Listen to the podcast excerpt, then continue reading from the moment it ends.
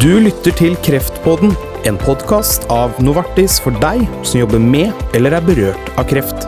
Programleder er Erik Aasheim. Velkommen alle sammen. I dagens episode av Kreftpodden så skal vi kalle opp eh, San Antonio i Texas. I 45 år så har det der blitt arrangert den største, desidert største og viktigste brystkreftkongressen i verden, som da heter San Antonio Breast Cancer Conference. Uh, SABCS,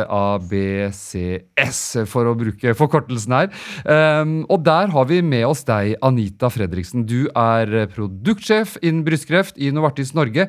Fortell litt mer om denne uh, kongressen. Ja, hei Erik, det skal jeg gjøre. Fordi Fra det første møtet i 1978, som ble holdt på et lite hotell nær flyplassen, der var det kun 50 deltakere, så har det da nå i dag vokst til en fem dagers konferanse hvor målet er å eh, presentere det helt nyeste innen brystkreftforskning. Mm. Hvor mange deltakere er det som er der? Du, det er i år forventet i overkant av 7000 deltakere fra totalt over ca. 90 land. Samtidig så er det ca. 2500 som følger med da eh, på nettet. Og fra Norden er det mellom 140 og 150 leger og forskere som deltar. Mm. Og mange av de da skal også helt sikkert presentere eh, studier. Og da hører jeg med deg, eh, Tatjana eh, Bosniak. Eh, du er eh, medisinsk rådgiver i Novartis Norge. Ehm, eh, hva slags viktige studier er det som blir presentert? Ja, hei, Eirik. Det stemmer. Det er mange fra Norden som skal også presentere i dag, eller i disse dager. Det er 26 eh, posters totalt fra de nordiske landene, hvorav seks er fra Norge. Og to er nordiske samarbeid mellom alle fire land. Um, vi i Novartis Norge også har en spennende forskningssamarbeid med Akershus universitetssykehus, som blir presentert i dag um, på postersesjonen.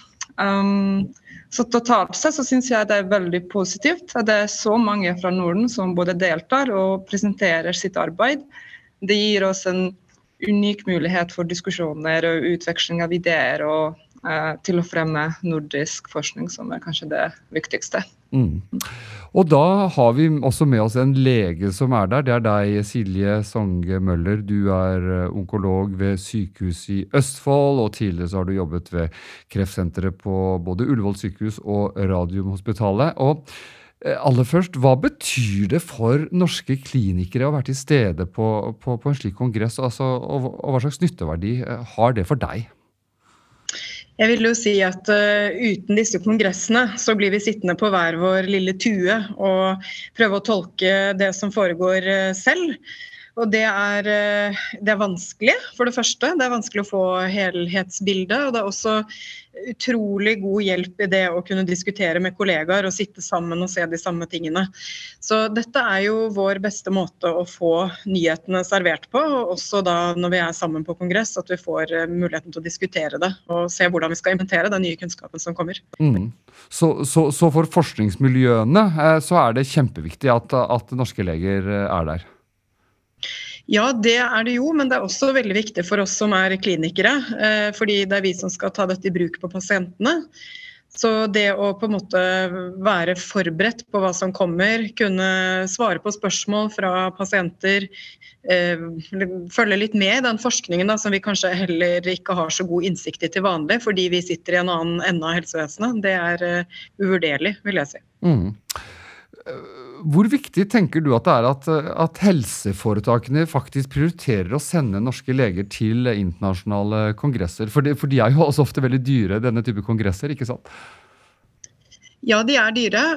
Det er jo sånn at Helseforetakene er pliktig til å sørge for etterutdanning til sine onkologer. Så For de som er ferdige onkologer, så er de faktisk pliktige til å sørge for at vi eh, har ti dager i året som går bare til etterutdanning. Og da er det jo sånn at Vi har ikke noe tilsvarende som dette her i Norge. Så vi er nødt til å reise eh, ut i verden. Og så er det klart at eh, nå med, med, mer digitale muligheter, så kan man også eh, delta digitalt på en del, men det, da mister du hele den interaksjonsmuligheten da, som man får på en kongress. Så jeg vil jo si at når vi har sittet i to år og, og sett dette her digitalt hjemme i sofaen, det er ikke det samme utbyttet i det hele tatt. Nettopp. Så for deg er det uh, viktig å være på denne verdens uh, største uh, brystkreftkongress i, i, Texas. det er det ikke tvil om. Det er veldig viktig. Ja. Men uh, Silje Songemøller, bare, um, vi må snakke litt om hva som skjer også. Du er jo, du er jo uh, både um, onkolog og, og, og, forsker og jobber med studier. Uh, hva, er som, hva, er det viktigste som skjer innen brystkreftforskning i dag? Eh, ja, det er jo på mange fronter det skjer viktige ting. Eh, det skjer viktige ting innenfor egentlig alle hovedområdene. Eh, både innenfor kirurgi, det er kanskje ikke jeg den beste til å snakke om. Eh, stråling, der eh, forskes det jo mye på dette her med å eh, korte ned strålebehandlingen, se hvor lite strålebehandling vi egentlig kan klare oss med, og fortsatt sikre at pasientene får de resultatene vi ønsker. Og så skjer det jo forferdelig mye på den medikamentelle fronten. Eh, både når det gjelder behandling av de pasientene som eh, vi antar skal bli friske av sin kreftsykdom, eh, og de som ikke kan bli friske, men som lever med brystkreften som en kronisk sykdom. Mm. Og nå sitter jo du der da, ikke sant, på en stor kongress og, og lærer mye nytt. Altså, men sånn, for pasientene, hvor, hvor, hvor, lang, hvor lang er da veien fra det du får det du hører om nye prosjekter, nye resultater, til at eh, pasientene hjemme i Norge kan, kan nyte godt av det? Er, er, det noe som tar lang tid? Eh, det er litt variabelt. Det kommer an på om det er ny bruk av eh, gamle produkter, si, eller om det er snakk om helt nye produkter. Der hvor det er snakk om nye produkter, så tar det ofte flere år fra vi hører om det her, til det er implementerbart i, i klinisk praksis i Norge. Men der hvor det er eh, nye bruksområder for medisiner som allerede er godkjent i Norge, så går det ofte raskere.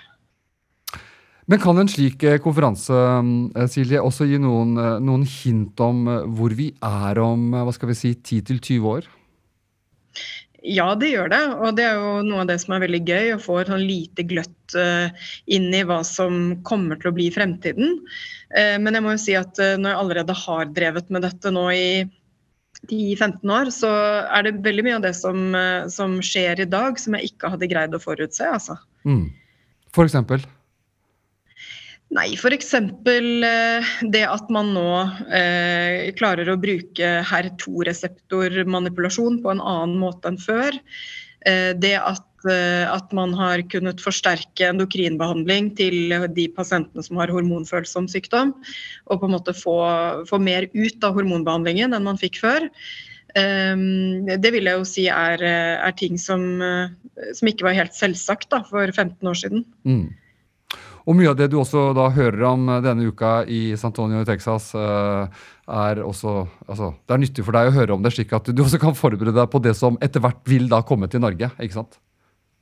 Ja, og så syns jeg vi er på en måte pliktet til å følge med i timen for pasientenes del, sånn at ikke de skal føle at de må drive med denne researchen selv. Eh, det er viktig at vi på en måte gir dem håp da, ved å fortelle litt om hva som er i gjære og hva som kan komme i tiden fremover. Mm. Ja, Onkolog Silje eh, Songe Møller, eh, takk for praten, og, og, og, og, lykke til på verdens største brystkreftkongress. Tusen takk. Og du hører altså på Kreftpodden. Jeg heter Erik Aasheim. Hei, jeg heter Anita Fredriksen. Og jeg er Anita Henriksen. Så fint at du lytter til Kreftpodden. Denne podkasten er et initiativ fra Novartis for å fremme kunnskapsdeling og faglige diskusjoner innen fagfeltet onkologi. Den er ment for deg som jobber med eller er berørt av kreft. Vi spiller stadig inn nye episoder for å kunne utvikle podkasten med dagsaktuelle tematikker. Følg med og abonner på Kreftpodden, så blir du varslet når det kommer nye episoder.